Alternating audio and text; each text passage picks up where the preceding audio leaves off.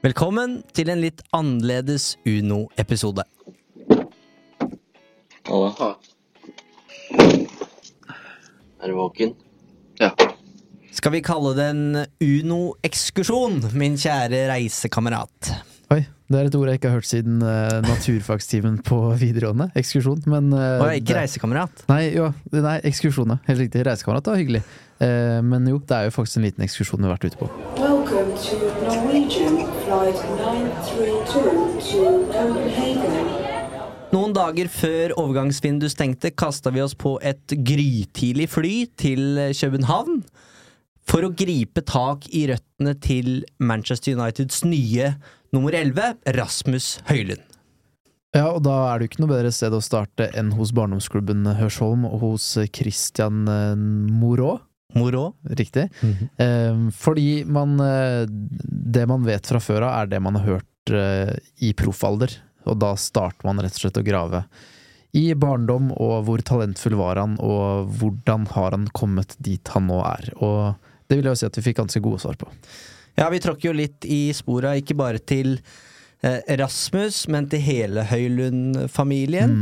Eh, vi blei jo fortalt at eh, mor og far bodde rett ved disse banene som vi, eh, som vi traska rundt i, i Hørsholm. Eh, og Rasmus har jo to s- mindre brødre, eh, Oskar og Emil, som er eh, tvillinger, som også har eh, sparka sine første fotballkamper eh, der i, i ung alder. Eh, og det var gøy å se eh, barndomsklubben, rett og slett, der alt starta for eh, ikke bare Rasmus Høylund, men en hel Høylund-familie. Ja, og de gjør jo sakene din godt for FCK den dag i dag, så de skal jo møtes i Champions League. Det visste jo ikke da vi var i København, men det vet vi, det vet vi nå. Eh, og det, det berømte steinkastet unna fotballen, det blir på en måte ikke mer sånn typisk enn det, da. Så veldig sånn, veldig gøy å få vite alt det vi fikk vite, og så håper vi at vi har klart å presentere på en måte som gjør at dere som lyttere sitter igjen med svært få spørsmål når dere egentlig har hørt fra denne episoden her. Høylund var jo i eh, barndomsklubben Hørsholm til han var 15 år. Så var han faktisk innom Brønnby en liten tur, før han etter hvert ender i FCK-akademiet. Dermed måtte også vi flytte på oss, eh, Fredrik. Vi tok toget inn til sentrum, eh, og eh, hos FC København så møtte vi juniortrener Morten Nordstrand, som forteller om Høylunds utvikling. Fram til han da forlater eh, klubben i ganske tidlig alder, da, eh, og reiser videre til Østerrike. Mm, da får vi et innblikk i også hvordan denne komet- og rekord... Eh, altså rakettfartkarrieren, da. Hvordan, eh, hvordan en skøyt fart, og hvorfor ting ble som det ble. Og ehm, du får jo ikke noe bilde av en sånn en som har vært superstjerne og bare har rett og slett uh, lekt seg med alle siden han var liten, og derfor bare har fått ting gratis. Dette ja, Jeg trenger ikke røpe så mye, for det er bare veldig interessant, den reisen, og hvordan eh, de beskriver det treningstalentet. Det syns jeg er et nøkkelord her. Så reiser jo Rasmus videre, som eh, nevnt, og starter sitt europeiske eventyr i Østerrike. Eh, vår reise den stopper her i København, i hvert fall i denne omgang. Så får vi se, Fredrik, om det blir en tur til Gras og Bergamo etter hvert, hvis dette faller i smak hos våre lyttere. Skal vi kjøre i gang, da? Kom så. Dette er første kapittel i eventyret om Rasmus Høylund. Confirmed new signing Rasmus Hoyland. He's the, he's the closest thing you can try and clone to Erling Haaland. My name is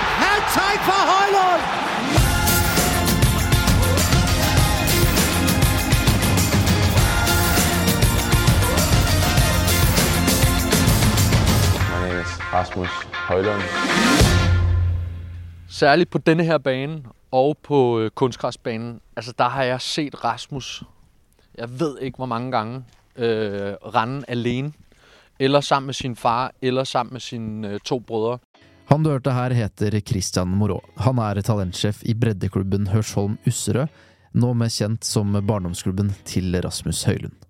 Jeg tror næsten, jeg har set Rasmus mere hernede træne for sig selv, end, øh, end jeg har set ham øh, træne holdtræning. Og jeg tror også, det er det, der er den store forskel øh, for Rasmus. Altså det, der har gjort forskellen. Fordi dengang han var, dengang han var spiller her, der var han ikke sådan... Han var fysisk veludviklet, men han var ikke, han var ikke markant bedre, end nogle af de andre. Nu spillede han så også en årgang op, mm. men han var ikke markant bedre end de andre. Han har bare lagt øh, mere energi i det, og dermed så har han også, øh, så er han også blevet bedre over tid. Ikke? Det var her, 25 km nord for Parken og København sentrum, at Rasmus banka inn sine første baller i nettet, og gjorde sine første tjuvstarter i svømmebassenget. I Hørsholm var fotballfamilien Høylund på hjemmebane. Pappa Anders trente laget til Rasmus, mamma Kirsten var teamkoordinator, og Rasmus og lillebrødrene, tvillingene Oskar og Emil, var alltid å se på fotballbanen. Nå står vi eh, på det som er eh, Rasmus Høylunds første fotballbane, skal vi kalle det det? Ja. Eh, Det må jo være lov å si at det er et stykke herfra til Drømmenes teater. ja, det, det, kan jeg ikke, det kan jeg ikke afvise. Det er, en, det er et lidt andet græstæppe. øhm, Men det er fint her òg, da. Rasmus spilte på et bra lag med tøff konkurranse. I fem mot fem-kampene var det alltid full innsats. På sidelinja sto pappa Anders som en trener som evna å inspirere og lære tiåringene noen triks fra sin egen karriere som angriper. Og når det ikke var organisert trening, fant Rasmus fram kjegler og ball, og terpa på favorittøvelsen. Altså det, jeg husker tydeligst, det var, at øh, han alltid hadde en rekke av kejler, som han sådan driblede igennem. Og øh, når han havde driblet forbi dem, så sparkede han på mål. Mm. Det er jo sådan ligesom, det er sådan den øvelse, jeg husker igen og igen. Den har han lavet igen og igen. Hvordan var nivået på det han gjorde, synes du?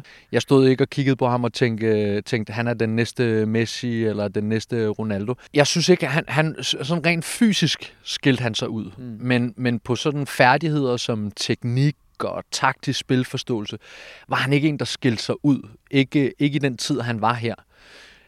Hen mod det sidste halve år, da han var så kunne man godt begynde at se og mærke, at nu begyndte hans sult mm. efter at blive stimuleret endnu mere. Den, den blev større og større. Og jeg tror også, han nåede et punkt, hvor at, øh, han skulle ligesom han skulle have en anden træner end hans far. Nu havde hans far ligesom været... Han, han skulle ligesom prøve at have en træner, som stillede nogle, nogle andre krav til ham. Så da Rasmus stoppede og tog videre, så var det det rigtige tidspunkt. Også selvom det betød, at vi jo så den dag i dag ikke har øh, nogen andel i, i de her kompensationspenge, som man, man jo får. Nej.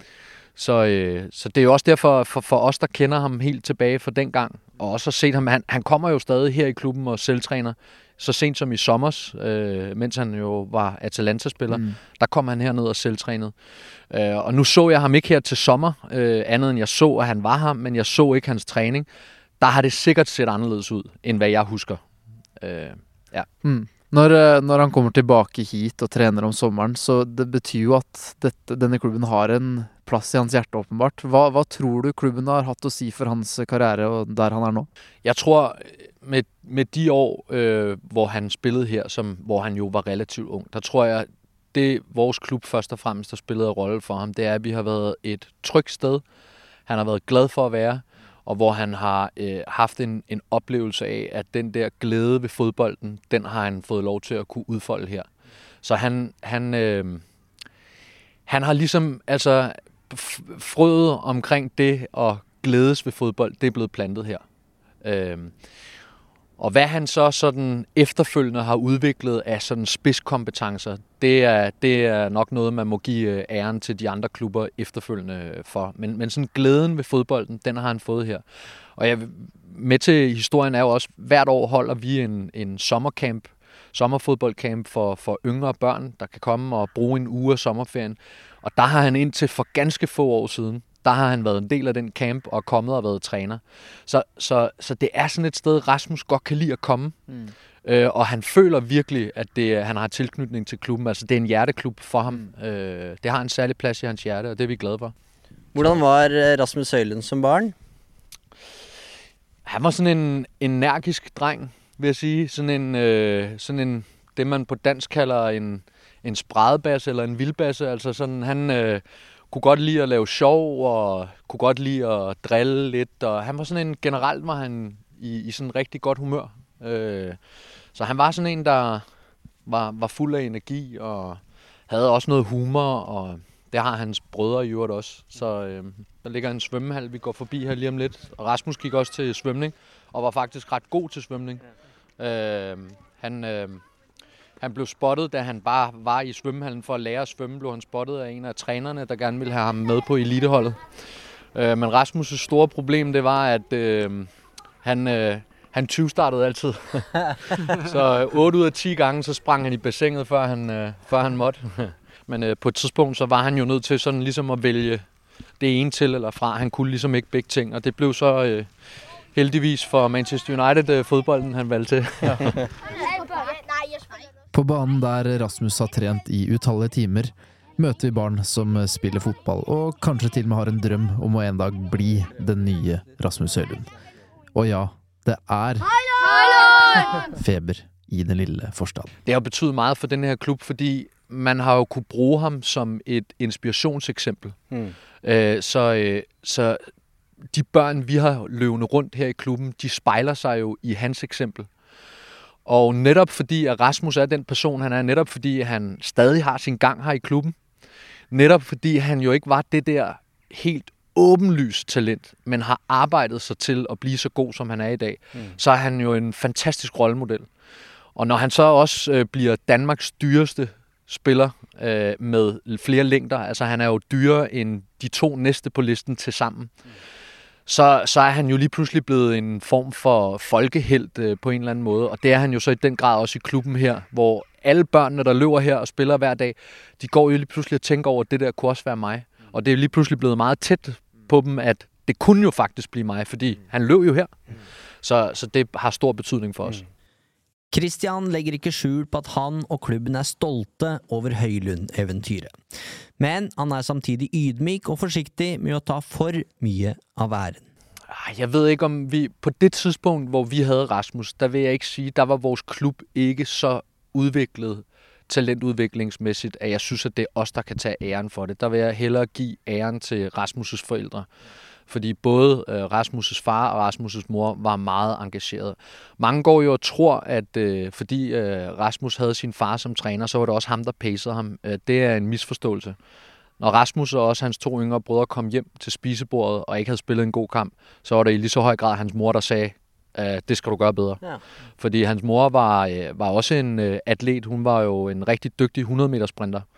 Så, så han har ligesom fået ind fra modermælken, at øh, det her med sport og professionalisme og være dedikeret omkring sin sport, det har han fået ind for dem. Og det var helt klart hans far og hans mor, der skabte rammerne for, hvordan han er som, som person i dag. Det, det, kan, det kan vi ikke tage æren for. Vi kan, som jeg sagde, vi havde nogle rammer, der gjorde, at han nød at være her og var glad, og vi har stimuleret den glæde ved fodbolden, som, som han har i dag. Ja, lad os prøve at gå over i Ja. det nye klubhus, vi har fået lavet. Der, øh, der mener jeg, at vi har nogle, nogle billeder af, af Rasmus.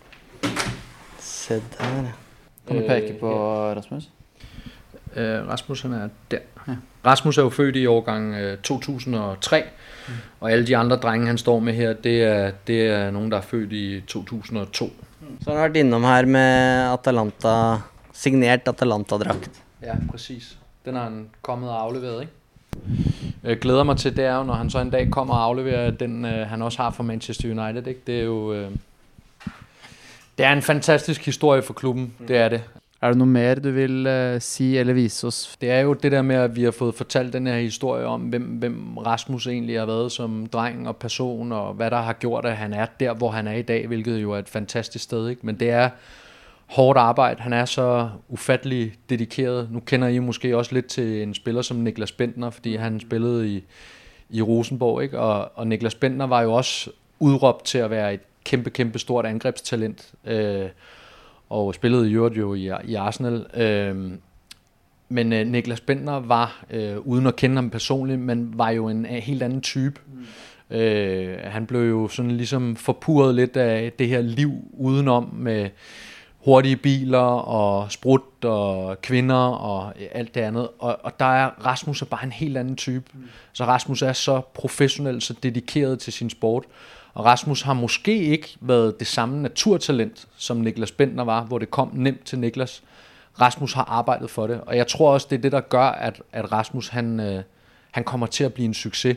Måske ikke det første halve år, måske ikke det første år, men jeg er helt sikker på, hvis man giver ham tiden og opbakningen, så bliver han en succes, fordi han, han har simpelthen en dedikation og et engagement og, et, og en disciplin, som, øh, som gør, at han overkommer de der ting der. Øh, når jeg ser ham i tv og ser, hvad det er for en, et fokus, han har i hovedet, og når jeg ser øh, de interviews, øh, der bliver givet, hvor man jo helt naturligt spørger ham, hvad føles det ikke lidt specielt i maven, og føler du dig presset? Der kan jeg mærke, at han er, han er velovervejet. Og jeg kan mærke, at han er ikke arrogant omkring det.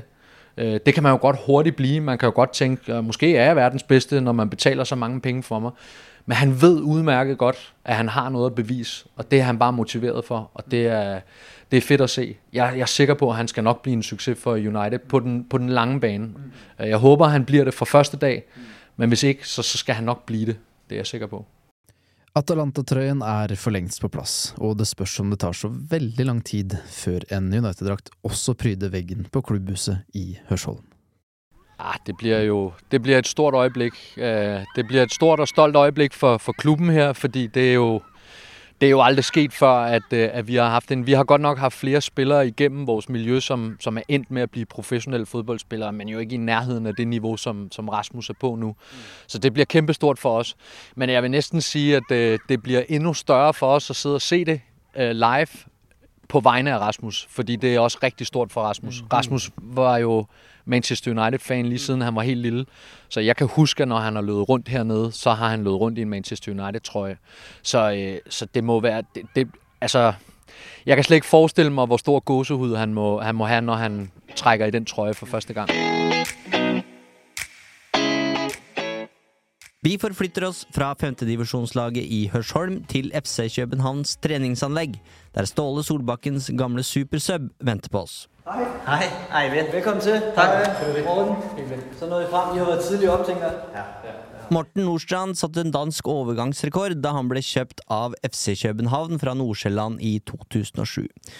Det ble 41 mål, 130 kamper, tre superligatitler og to cuptitler på spissen. Jeg havde jo øh, Ståle som træner ja. i øh, hvor mange år? Fem år eller sådan noget, så jeg, jeg forstår jer nemt. Ja. Så synes du om dansken hans? Øh, ikke særlig godt.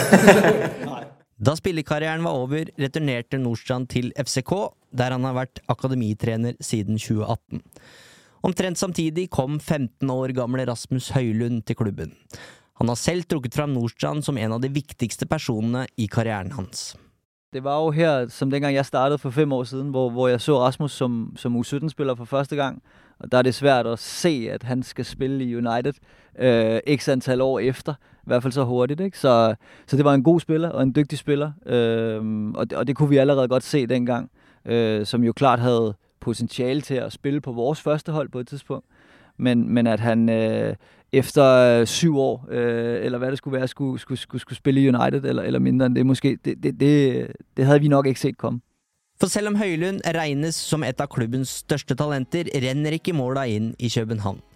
Det blir fem mål i Europa Conference League på totalt 31 kamper, før tenåringen reiser til østerriksk Bundesliga, der en viss nordmann hadde fått sitt europeiske gjennombrudd to år tidligere. Fra FC København til Storm Gras, Atalanta og Manchester United på 18 måneder. Nu burde Rasmus jo være her et eller andet sted. Ja. Der er han. Øh, debut for A-holdet øh, på den her dato. Øh, og der er alle dem, som altså kommer fra akademiet og har fået, ja. fået debut på A-holdet. Ikke? De er på den her væg jo. Det er ikke lenge siden den talentfulle spissen hadde en estimert markedspris på 1 million euro. Nå er han tidenes suverent dyreste danske, med en prislapp som potensielt kan ende på 85 millioner euro. Det, det er fandme vildt, det der. Altså, det er jo helt utroligt. Vi er jo glade for, at vi har gjort det, altså udviklet Rasmus godt, men vi er jo også glade for, at han har kunnet tage det skridt øh, og komme til en af verdens største klubber. For os er det jo også, øh, hvad kan man sige, en lille smule surrealistisk, når, når, når Rasmus Højlund lige pludselig bliver præsenteret i Manchester United. Det er det da. Altså, men, men det er jo mega fedt, så øh, vi er bare glade. Og nå er det jo et uh, stort press på Rasmus på Old Trafford. Ten Hag finner liksom ikke helt ut av hvordan han skal stable det angrepet uten en klar uh, spiss. Så forventningene økte jo litt i takt med, med at United sliter med å skåre mål. Og vi sitter jo her med en som virkelig veit hva det handler om. Du får korrigere meg hvis jeg tar feil, Morten, men på din Wikipedia-side så står det at du er Danmarks svar på Ole Gunnar Solskjær. Ja, det kan godt være. øh, det kan godt være. Jeg, jeg, nu har jeg godt nok fået lidt grå hår, men jeg havde lidt babyface, da jeg var mindre, og jeg var sådan øh, måske som type, lidt som Ole Gunnar. Øh, altså god til lige at, at, at, at dufte, hvor chancen øh, opstod inde i feltet, og, og dygtig afslutter øh, for en mål. Øh, god til at bevæge sig, altså de rigtige steder hen, øh, relationen med medspillerne og sådan noget. Øh, så, så, så på den måde, så har jeg lavet rigtig mange mål som indskifter, også i FCK, så der, der er måske nogle, nogle ligheder på den måde. Ja, som eh, målskårer og, eh, og juniortrener, hva tenker du om det, det presset som venter Rasmus på Old Trafford? Er han, eh, har han den mentale styrken til å håndtere det her?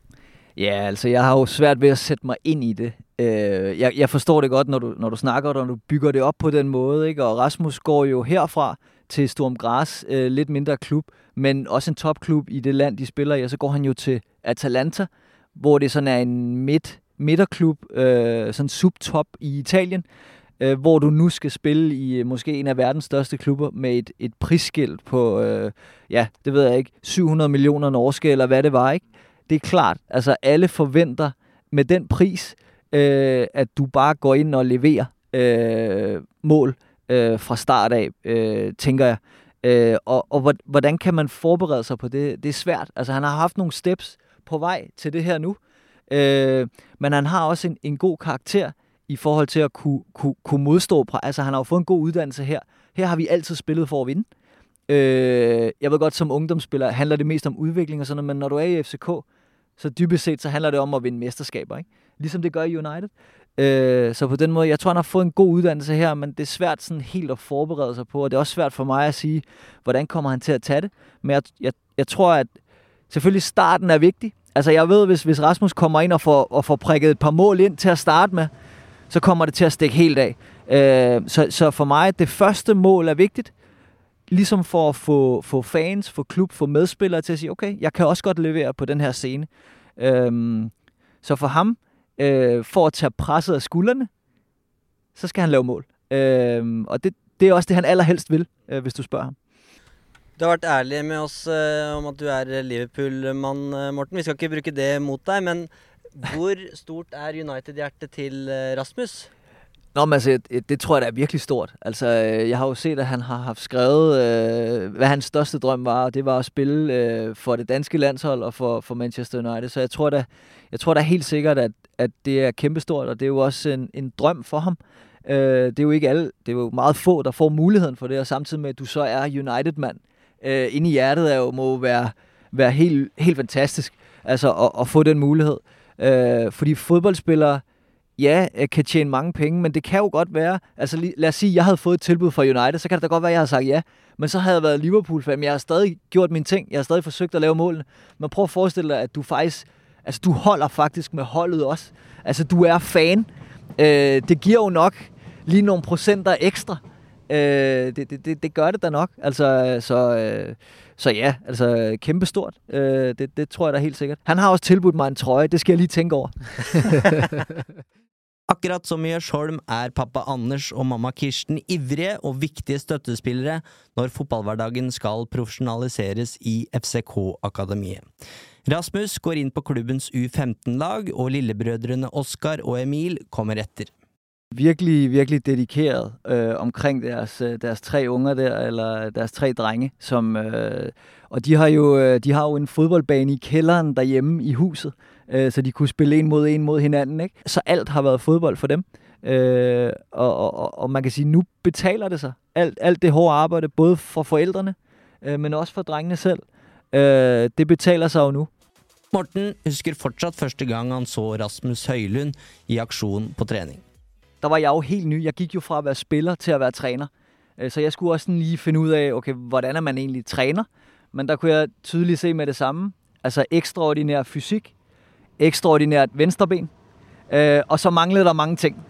Øh, teknisk, øh, taktisk, øh, bevægelser uden bold, øh, og, og mange ting, som, hvad kan man sige, som en rigtig angriber skal være god til, manglede han.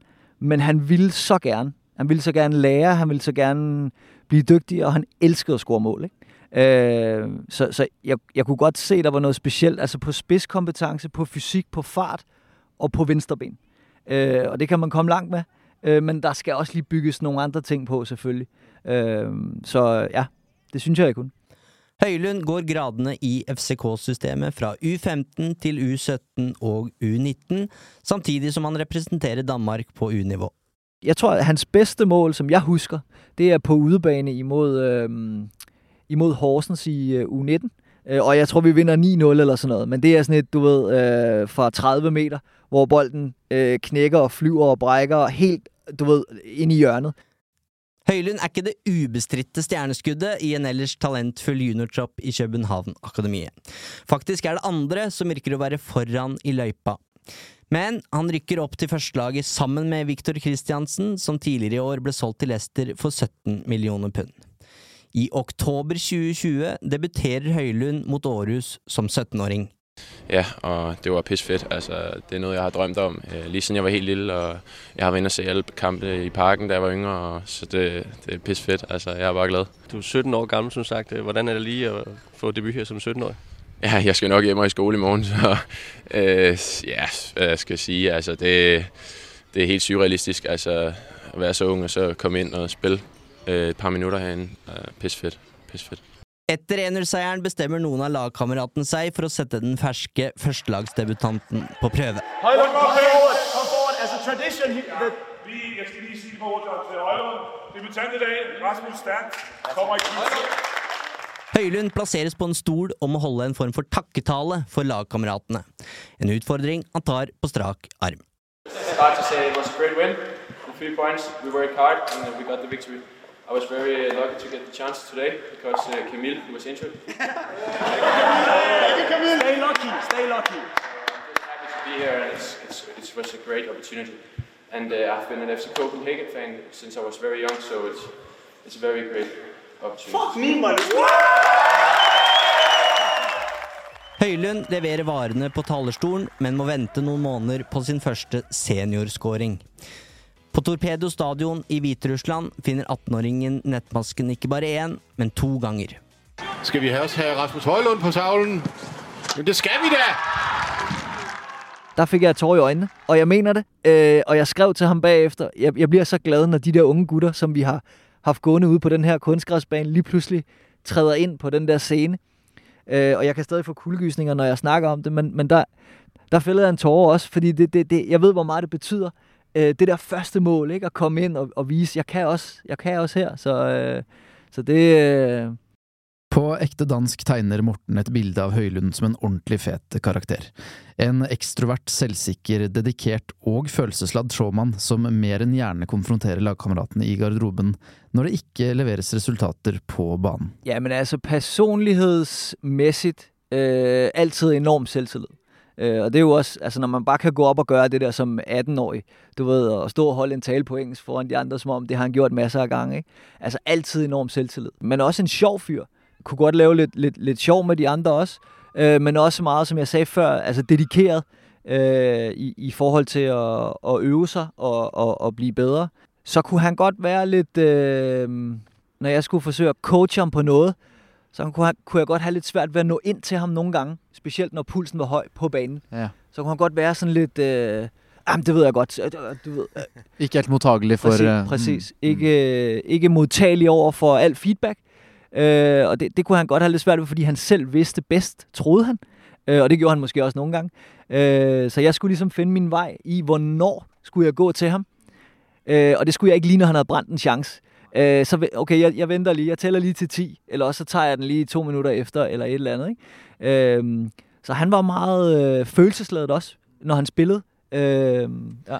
Jeg leste en historie om øh, denne landskampen mot øh, Kasakhstan, hvor Simon Kjær i etterkant øh, må rett og slett stoppe øh, Rasmus fra å møte mediene, fordi han er for emosjonell etter match. Eh, Det kan jeg godt ikke genkende til. Altså, han, han- han vil jo vinde så meget.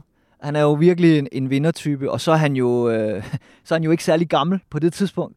Og det er klart, hvis du bliver hen, øh, mod Kazakhstan, hvor du lige har tabt. Han har scoret, men vi har lige tabt, bliver skubbet hen foran kameraet. Så, så, så Simon, han ved godt, okay, det der, det kan stikke helt af. Øh, og det kan eksplodere. Og så, og så er det derfor, jeg tror, at, at, at, og så kan man jo diskutere, om det er det rigtige at gøre, fordi god tv er jo måske også nogle gange, men, men, men for at beskytte Rasmus, var jo derfor, han gjorde det. Når det gjelder eh, emosjonene, følelsene, så, så kan jo det både være positivt og negativt. Hvordan har du tenkt at det er for Rasmus sin del? Øhm, jamen altså, som ungdomsspiller, både positivt og også lidt negativt. Fordi, fordi det kunne godt, øh, han kunne godt være den der type der, hvis, øh, hvis han havde brændt en chance, så kunne han godt være lidt for længe i den følelse, for eksempel.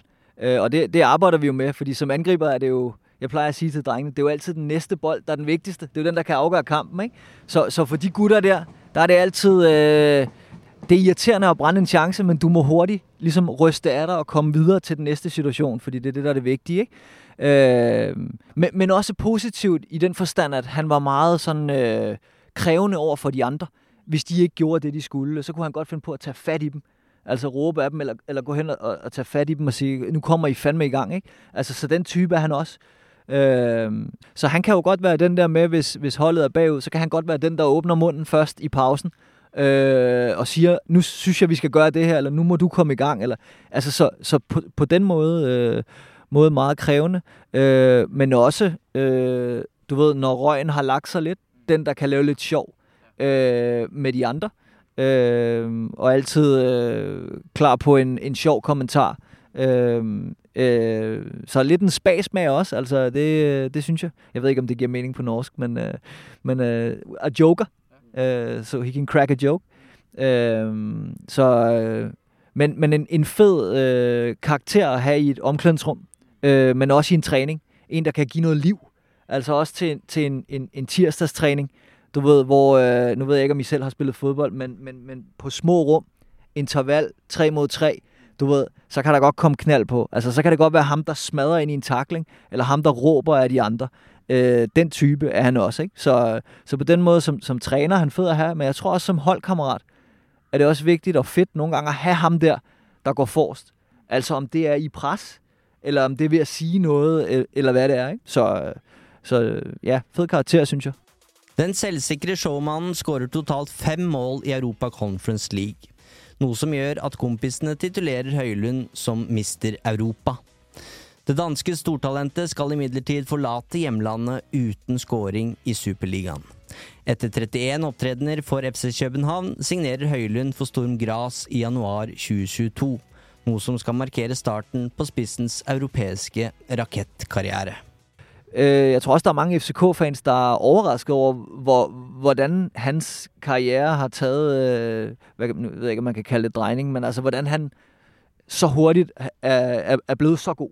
Øh, fordi, fordi det er også klart, som, som og, og vi snakker også lidt om det der pres tidligere, når du kommer ind som ung spiller ind i parken på et hold, der skal vinde, øh, der, der, der er jo pres på, og det kan være svært. Helt siden Rasmus Højlund signerte for Manchester United, har debatten gått. Hvordan kan en 20-åring med til sammen 18 skåringer i Serie A og østerriksk Bundesliga forsvare en prislapp på 85 millioner euro?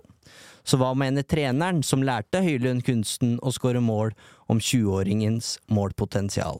Jamen, det, det er enormt. Altså, det, det, det er det helt klart. Han er... Øh, altså, når han er i flow, og når han er fit, og når han er... Og nu skal vi også lige huske på, når han kommer tilbage, nu er det jo fra en skade også. Øh, men når han er i, i flow, og det har vi set på, på, på landsholdet, vi har set det i, øh, i Atalanta, vi har også set det i Stormgræs, altså så laver han bare mål, og han er, han er rigtig, det kan vi måske komme ind på senere, hvad han, hvad han er rigtig god til, men, men, men øh, de der karakteristika, som han har, øh, i forhold til, til farten og i forhold til hans bevægelser øh, øh, uden bold og sådan noget, så vil han komme til chancer. Og så er det jo effektiviteten, når du er der. Øh, fordi som angriber, selvfølgelig brænder du chancer, men hvis du kan blive ved med at komme til chancerne, og det der med ikke at være for meget i, okay, nu har jeg lige brændt en, nu skal jeg bare score på den næste. Øh, kan han, kan han få gang i det, så, så kommer han til at lave mål også i Premier League. Øh, jeg gider ikke at sidde og sætte antal på 20, 30, 35, det, det, det får I mig ikke til, men jeg er sikker på, at han kommer til at lave mål. Hvilke egenskaper er det Rasmus har, som du tenker at gjør at uh, Ten Hag øh, uh, fik bestemt seg for at det, dette er unggutten vi skal uh, satse på? Selvfølgelig fysikken, øh, i forhold til at kunne, kunne holde på bolden, når den bliver spillet op på dig. Det er at kunne løbe dybt i bagrum med ekstrem fart. Det er hans øh, altså off-the-ball movements, øh, i forhold til at komme fri øh, af, af modstanderen ind i feltet og komme til chancer. Og så er det selvfølgelig hans afslutninger med, med, med højre, venstre og hoved. Øh, det er tingene med bolden. Så er der selvfølgelig også noget altså i spillet uden bolden, i forhold til, at han er virkelig dygtig til at presse. Øh, han er rigtig hurtig i accelerationerne i forhold til at komme ind, og det, det vil også hjælpe dem, når han, øh, når han får styr på den måde, som de skal presse på. Øh, så er han også en rigtig dygtig presspiller, eller, eller det er han blevet. Det var han ikke til at starte med, men det er han nu, øh, synes jeg. Så, så det, hvis jeg skal nævne noget af det, er det, er det de ting. Jeg regner med at han har hatt en del øh, spurter ud på kunstgressbanen som vi sitter ved her. Eh, Gasperini snakka jo om at han løp 100 meter på under 11, og, og da prøvde han ikke hardt engang. Eh, hvor, hvor rask er han? ja, ja men altså virkelig hurtig. Øh, virkelig hurtig. Også måske den, den mest øh, altså eksplosive og hurtigste spiller, vi har haft, tror jeg, på akademiet. Uden at, at jeg kan lægge hovedet på blokken og sige, det er det. Øh, men så, så var han virkelig voldsom. Og det er også derfor, han er svær at fange. Altså hvis, hvis han laver øh, bevægelser inde i feltet, øh, retningsskift og sådan noget, øh, eller løber i bagrum, ikke? Hvis, hvis timingen er rigtig på den bold, der går i dybden, og hans bevægelser er rigtig, så er han jo tæt på umulig at fange, også fordi han har den fysik, som han har. Altså han har stærke arme i forhold til, at, og det, det er jo anderledes på, i Premier League, det er jeg godt klar over, men, men, men, men det som vi har set også, altså det er en, en fysisk rigtig stærk spiller, ikke? Så, øh, men, men altså, jeg ved ikke, om de tal passer. Jeg ved ikke, vi har sikkert også nogle tal, der, der, der, der er ret gode på ham. Men, men ja, han er virkelig hurtig. Men også, øh, altså han har en god acceleration, så han kommer hurtigt op i topfart. Øh, hvilket jo er vigtigt, når du spiller den position. Mm. Kan du si noe om uh, hvordan han er som feilvendt oppspillspunkt? og uh, Du nevnte jo selv, men jeg har også sett video at han skårer jo mål med begge bein og, ja. og hodet. Ja, helt klart. Øh, jeg vil sige det sådan, at, øh, at hans venstre ben har altid været godt. Øh, vi arbejdede meget på hans højre ben, og det er blevet godt også. Øh, og, og som du selv nævner, øh, hovedspillet. Øh, fordi han har den størrelse, han har. Han er god til at springe, han er god til at time, så det, har, det er også blevet godt. Øh, så, så, så, så i forhold til at være afslutter, er han rimelig komplet, synes jeg. Øh, det er jo vigtigt, at du kan gå begge veje, at du ikke kun er, har, har limit på at gå til venstre, fordi det er det eneste, du kan. Ikke? Han sparker rigtig godt med højre også. Øh, og, det, og det fejlvendte er også noget, som, som er blevet godt, synes jeg. Det var det heller ikke i starten. Øh, øh han er blevet god til at bruge sin krop øh, i forhold til, hvornår han skal tage modstand, hvornår han skal gå på krop af modstanderen, øh, Øh, i forhold til, hvor bolden er henne, og kunne, kunne vende af på modstanderen, øh, og, og sådan nogle ting, og hvornår han skal, øh, altså vurderingen på, hvornår skal du egentlig bare spille simpelt, og hvornår skal du selv prøve at touch eller vinde, øh, er også blevet godt. Så, så som altså fejlvendt opspilspunkt, synes jeg også, at han, altså, det, det, det kan man godt bruge ham til. Når det gjelder uh, øh, svakheter Han er fortsatt bare 20 år, hvis jeg tar riktig, Eivind. Eh, så det er åpenbart at han er ikke ferdig produkt, han skal få lov til å utvikle seg. Men hva, slik du ser det, er det han primært trenger å utvikle nå i første gang? Um, ja, men altså, jeg var lidt inde på det før i forhold til effektiviteten. Øh, det der med, at du, du nævner selv antallet af mål i de andre klubber. Hvis du skal op og være på Ronaldo, øh, så, så skal du være effektiv hver gang. Altså, du, du, det er ikke nok bare at komme til chancerne. Du skal også score på en større, måske procentdel af chancerne. Øh, så øh, så det, det, er jo, det er jo i hvert fald en ting. Så er der øh, også spillet mellem linjerne, når du er retvendt. Øh, altså når du er løber ned mod bagkæden og skal spille den rigtige pasning øh, med, med den rigtige temperatur og retning og sådan noget der. Og så er der spil, linkspillet med de andre kombinationer. Øh, og det er der jo også krav til, selvfølgelig United, rigtig meget. Øh, I og med, at de andre måske står lavt. Det der med som nier, at du kan komme ud, og, og, du, og de andre kan bruge til at linke og kombinere ind omkring øh, de store stopper. Ikke? Øh, så det, det, det, vil jeg, det vil være de ting, som jeg vil sige, øh, han, han skal bygge på. Øh. Men det er også noget, det skal du også for at være en succes i United. Du skal have de ting på også. Men når det, når det gjelder talentet dere har sett, da, er det noen som også tenker sånn ah, var, han, var han virkelig så god at United skal betale for han, eller tenkte man ah, det var bare et spørsmål om tid? Øh, jeg tror det er naturligt at der er begge Øh, altså folk der, der synes at øh, okay, vi tvivler lidt på, kan han også det der? Øh, og så er der nogle andre, nogen som mig, som tænker, øh, og som måske er lidt sådan, øh, nu, nu siger jeg ikke naiv, men jeg, jeg, tror, jeg tror sindssygt meget på ham, og på de kvaliteter, han har til at kunne blive en stor spiller der også. Øh, Øh, så, så, øh, så det vil der altid være. Der vil altid være tvivlere. Det er der alle steder, som siger, øh, og det, det vil der jo også være masser af United-fans, der tænker, at det er for mange penge. Øh, han er ikke de penge værd, men han kan jo bare modbevise alle ved at gå ind og, og, og, og lave de mål, han skal, og, og, og levere de præstationer, som, som, som jeg tror på, han kan. Øh, så, så, øh, Kommer det en tåre når Rasmus scorer på Old Trafford? Nej, nej, nej. Altså, det var også det, som jeg, jeg sagde til ham, øh, da han skiftede øh, til United. Så sagde jeg, nu bliver jeg nødt til at, at, at smile lidt, øh, når United scorer, selvom jeg ikke øh, er så meget for det. Så, øh, så, vil jeg Så længe det ikke er mod Liverpool? Ja, ja det kan godt være. Så, så bliver det rigtig svært. Men øh, nej, det, det, det gør der nok. Altså, det, det, det gør der faktisk nok. Ligesom som jeg fortalte om før i hans første øh, øh, mål for FC, FCK, så, så kan det også godt være det samme. Altså, det kan jeg ikke sige nu. Øh, og, og, og det kan godt være, det er lige meget om det er United, så må jeg lægge følelserne lidt væk, ikke? Men, men, men altså, ja.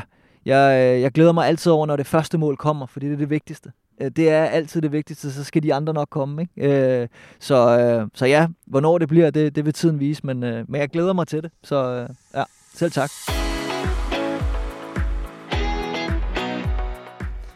Da forlater vi Høylundland, Fredrik. Omgitt av syklister i København, selvfølgelig.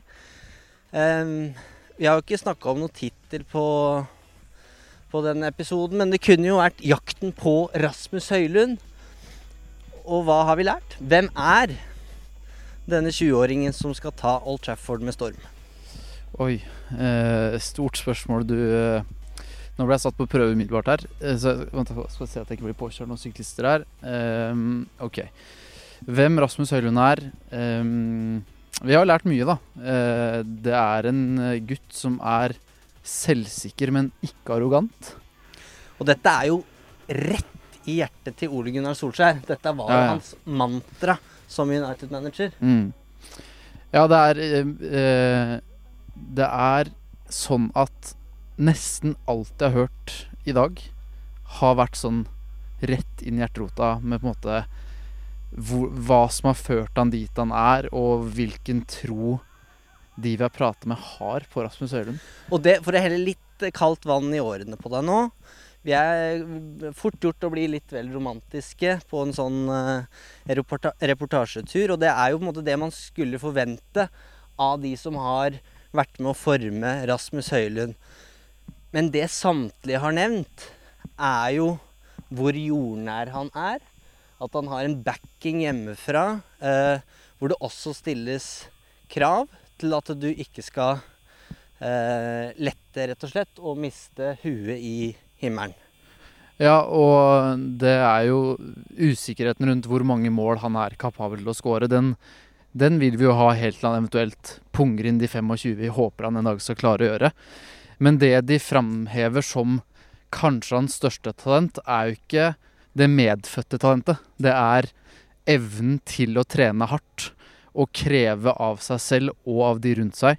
Med oppvokst i en idrettsfamilie som er ordentlig jorda, og som har en høy standing i lokalsamfunnet. Ehm, så jeg syns på en måte at eh, det lover så godt, da. Eh, dette er ikke en 20-åring som står og ser seg i speilet og Eh, smiler til seg selv stolt over en eh, prislapp på 700. Dette er en gutt som- tilsynelatende bare har lyst til å bevise at jeg er verdt hver eneste krone. Kom og se på meg.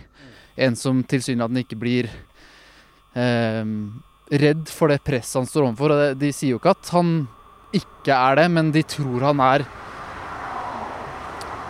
Skal vi la toget passere først her? De tror han er rusta og oppdratt og fra en familie som gjør at han potensielt tåler å takle det presset. Og det er jo musikk, i hvert fall mine ører. Ja, for det man frykter er jo at spillere som kommer til Manchester United, føler at nå, nå har jeg klart det. Nå har jeg signert for en av verdens største klubber. Eh, min økonomiske fremtid er sikra. Eh, herfra så er det så er det bare cruising. Eh, men det du er inne på her med den eh, skal vi kalle det den mentale styrken og den jordinga han har hjemme, det kan jo forklare litt eh, hvorfor han har fått den ra rakettkarrieren som han tross alt har hatt. Jeg var redd for å bli drept av en bikkje her, men det gikk fint. Eh, ja, det du, det du sa. Ehm, nei, det er eh, Det er bare mm, historie på historie som gjør at jeg ikke har de høye skuldrene og bekymringene på hans vegne hva gjelder stjernenykker og annet som kan føre med seg når du i en alder av 20 år får livsdrømmen oppfylt. Eh, men det høres rett og slett ut som for Rasmus Høylund så er det nå det hele begynner. Vi håper at denne ja, annerledesepisoden av Uno falt i smak. Og her har vi fans på alle kanter. Eh, og eh, så får vi se om eh, Morten feller en tåre når Høylund skårer sitt første mål for Manchester United, og om Christian eh, får eh, tilsendt sin eh, United-drakt. Vi satser på det. Og så erklærer vi Høylund-eventyret for åpnet, eh, og håper på en eh, lykkelig Eh, slutt om mange, mange, mange år. Eh, og så gjenstår det egentlig bare å si Ha det godt.